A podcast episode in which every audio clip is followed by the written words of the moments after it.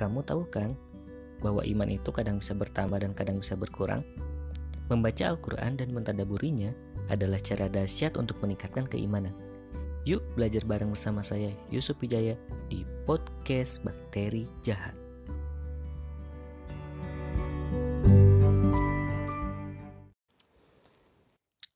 Assalamualaikum warahmatullahi wabarakatuh. Kembali lagi bersama saya Yusuf Wijaya di podcast Bakteri Jahat episode 14.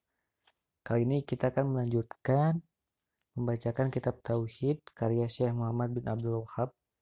Kita melanjutkan ke bab 3 ya. Judulnya Barang siapa mengamalkan tauhid dengan sempurna murninya pasti masuk surga tanpa hisab.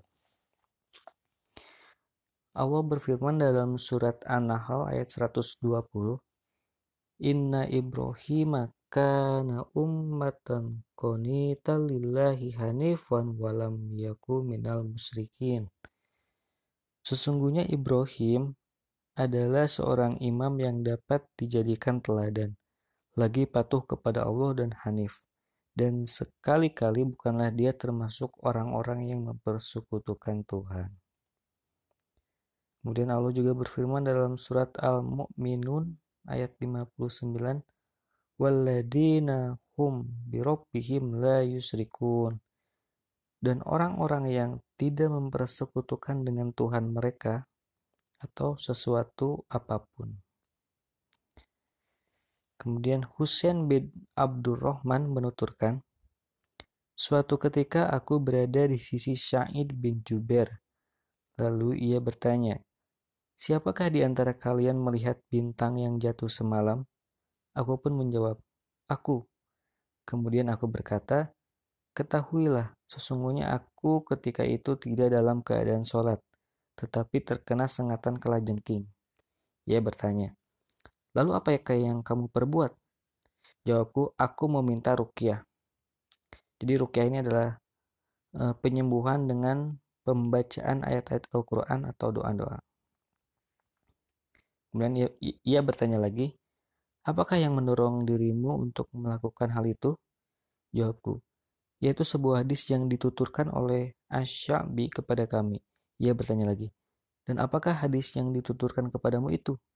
Aku berkata, dia menuturkan kepada kami hadis dari Buraidah bin Al-Husayb La ruqyata illa min aini au humah tidak dibenarkan melakukan rukyah kecuali, kecuali karena ain atau terkena sengatan. Jadi ain itu yaitu pengaruh jahat yang disebabkan oleh rasa dengki seseorang melalui matanya. Disebut juga kena mata.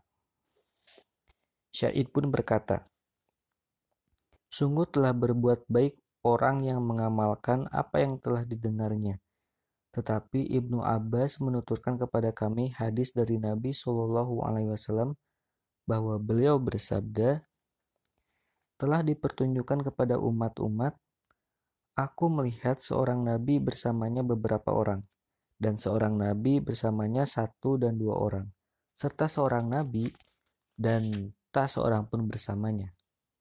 Tiba-tiba ditampakkan kepadaku suatu kumpulan orang yang berjumlah banyak, Aku pun mengira bahwa mereka itu adalah umatku.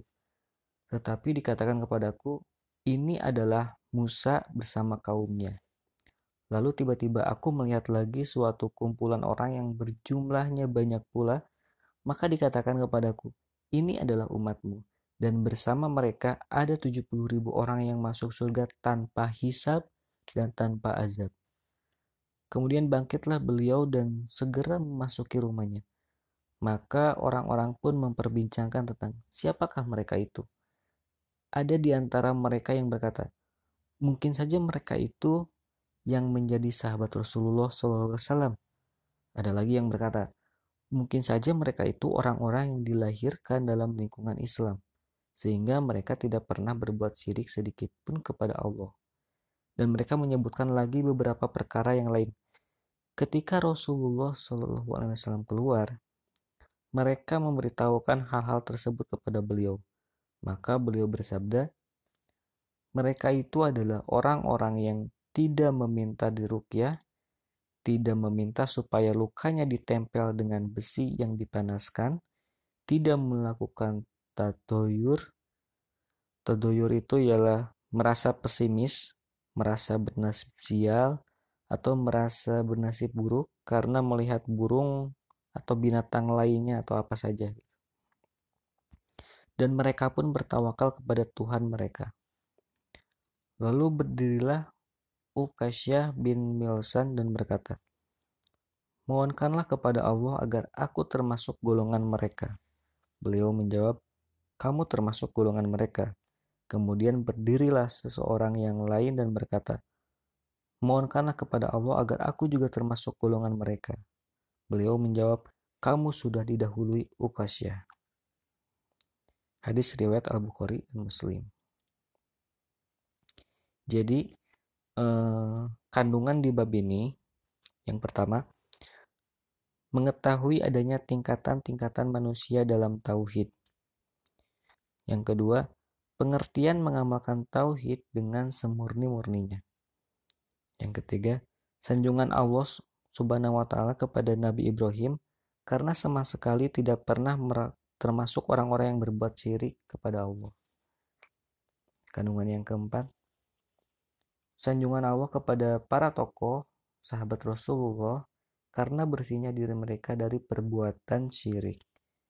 Yang kelima, tidak meminta rukyah, tidak meminta supaya lukanya ditempel dengan besi yang dipanaskan dan tidak melakukan tadoyur adalah termasuk pengamalan tauhid yang murni. Yang keenam, bahwa tawakal kepada Allah adalah sifat yang mendasari sikap tersebut. Kandungan yang ketujuh, dalamnya ilmu para sahabat, karena mereka mengetahui bahwa orang-orang yang dinyatakan dalam hadis tersebut tidak dapat mencapai derajat dan kedudukan yang demikian itu kecuali dengan amal.